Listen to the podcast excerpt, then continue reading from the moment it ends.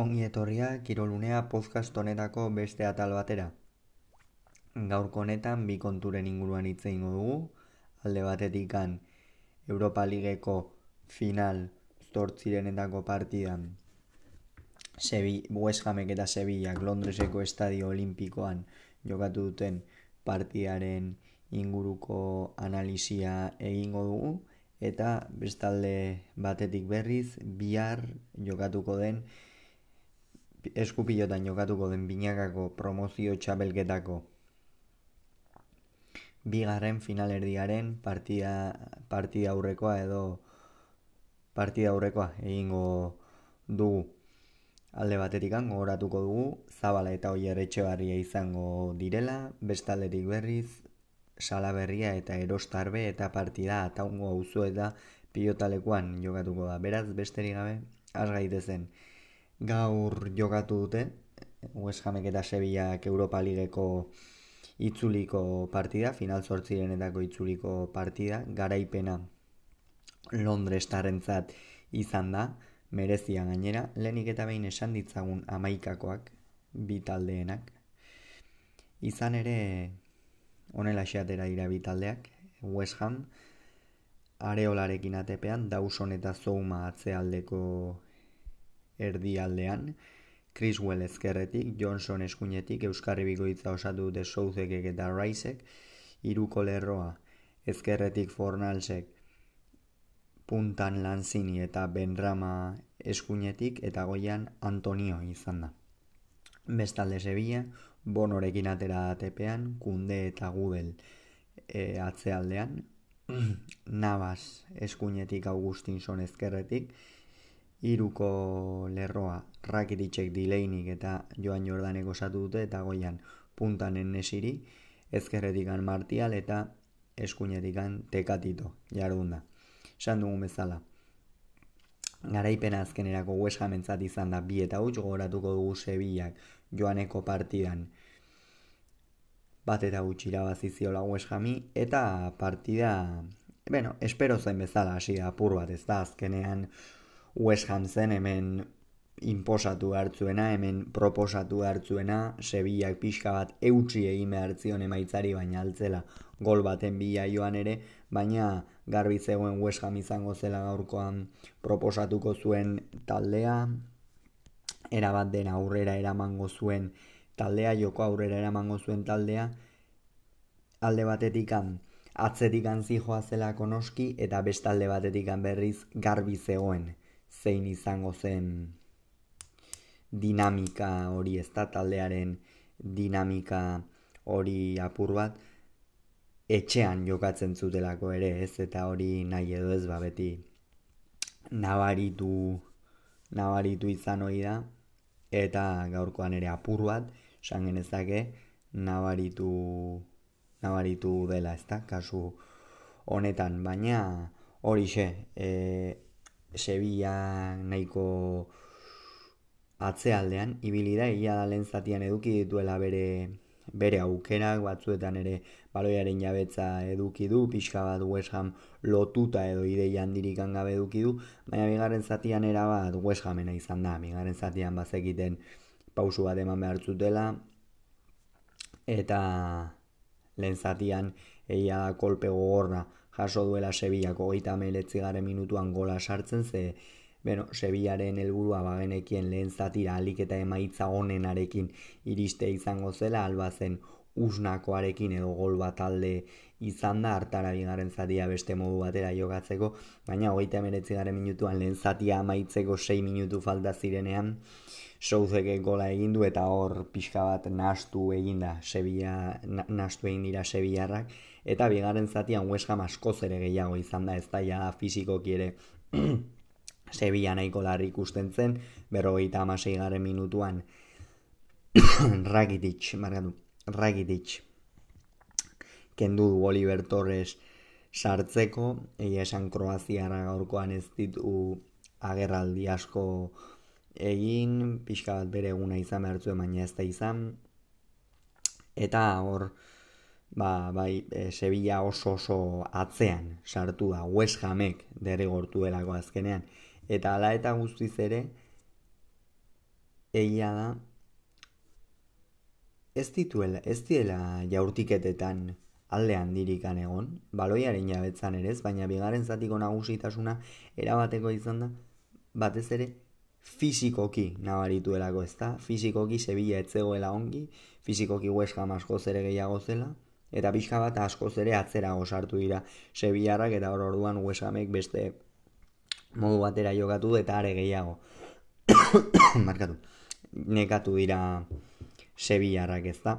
Eta azkenerako luzapenera iritsi dira. luzapenerako bagenekien Sevillarrak oso oso larri iritsiko iritsiko zirela. Eta alaxe izan da. Alaxe izan da eta azkenerako egun damabigaren minutuan baia da Sevillak penaltiak firmatzen zituenean edo sinatzen zituenean ba hor jarmolenkoren gola iritsi da. Sauzekek sekulako gola egin du buruz. Jarmolenkorena berriz Fornalsen jaurtik eta bat are azkan potikan bono gelditu duena, bonok partida erra egin du eta areolak ere biek ala biek egin dituzte lehen zatian batez ere meritu handiko geldiketak, alde batetik areolak hor e, nesiri atera dion bat, bestaldetik berriz bonok pare bat geldiketa meritu handikoak egin ditu eta gaur benetan atezainek ere garrantzi handia izan dute batez ere emaitzan, ezta? alde batetik lehen zatian donar, e, barkatu, areolak e, uesan salbatu duelako eta bigarren zatian berri Sevillak Sevilla ba, bonok mantendu duelako irmo, baina bigarren golean jada ezin du ezin izan du ezer egin, azkenean Fornalsen jaurtik eta batare azkan botikan bonok aldaratu egin du eta aldaratzea jarmolenkori dena libre zuela gola egin du Ukraniarrak. Hau izan da beraz es, e, partida honen inguruan esan beharreko guztia, beraz Sevilla kanpoan West Ham barrura, eta guazen bestalde emaitzak esatera, eta lehenik eta behin esan behar dugu Evertonek bat eta gutxi irabazi diola Newcastle Premierreko partian, eta guazen orain Europa Ligeko partide den inguruan, hitz egitera. Izargorriak bi eta bat irabazi dio Rangersi eta guztira Rangers sailkatu da, egia da, bi eta lau, beraz Eskoziarak izango dira Leipzigekin batera bigarren taldea final laurdenetan markatu final zortzirenetan hemen sekulako nahastea dago Monako kalean geratu da Sporting Bragaren aurka.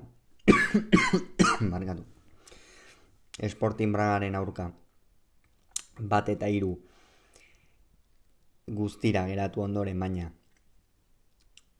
bana egin dute gaurkoan, bestalde Atalanta guztira bi eta laukoarekin sailkatu da Leverkusen aurka, gaurkoan utxeta bat, Barcelona ere sailkatu egin da bat eta birabazi ondoren Galatasara iri, Olimpik de Lyon ere sailkatu egin da Oportoren aurka bana egin ondoren, West Ham sailkatu da bestalde batetik, eta azkenik berriz, Eintracht Frankfurt sailkatu da azken azken minutuan, benetan sekulakoa izan da, betisek jada penaltiak ikusten zituenean bapatean Guido Rodriguezek bere atean sartu du gola eta azkenerako bana geratu dira.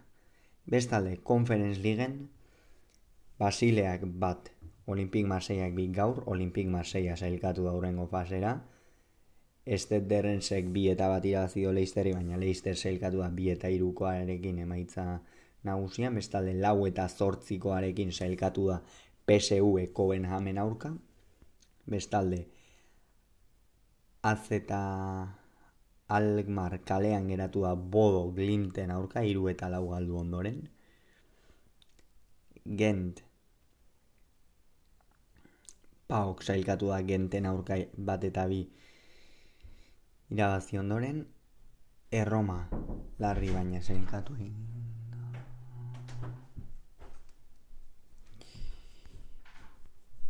Erroma larri baina sailkatu eginda, bana egin du gaurkoan bitesen aurka baina bi eta bat etekoarekin sailkatu da guztira. Bestalde Eslavia Praga bost eta zazpikoarekin aze eromena izan dugun gaur. Laske eta Eslavia Pragaren aurkako partidan, lau eta hiru irabazi du Laskek, baina Eslavia Praga e, bost eta zazpikoarekin sailkatu da guztira. Eta feien horrek zortzi eta irukoarekin guztira, gaurkoan hiru eta bat irabazi ondoren partizanen aurka.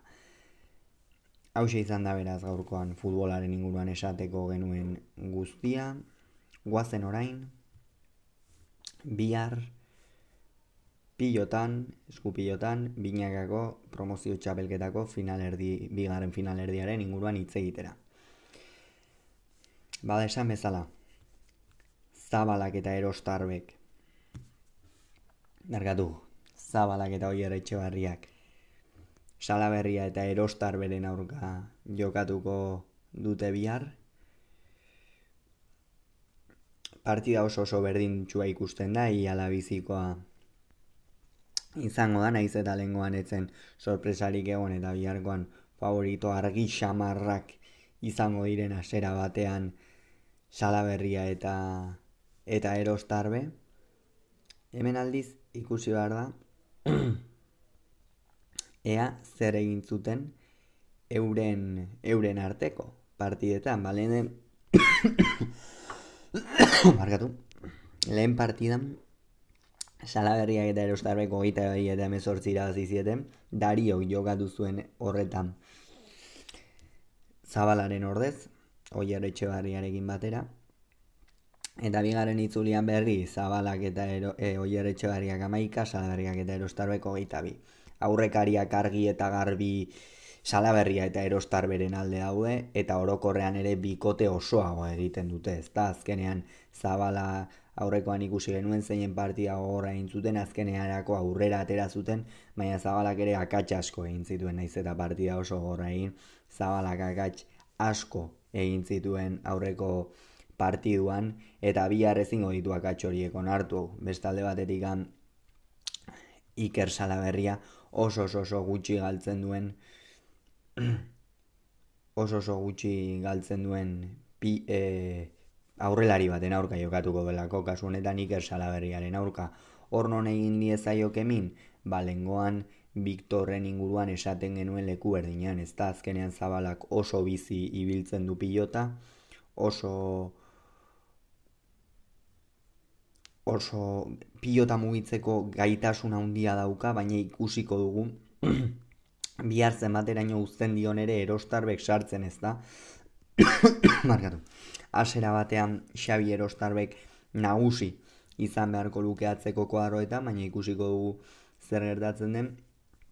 Oiar etxe berria, etxe barriak eta zabalak bi aste izan dituzte errekuperatzeko, partia oso oso oso gogor batekitik errekuperatzeko gainera. Eta ikusiko dugu, ikusiko dugu zer, zer gertatzen den, baina printzipioz hori, e, salaberria eta erostarbe favorito garbi, baina esaten du.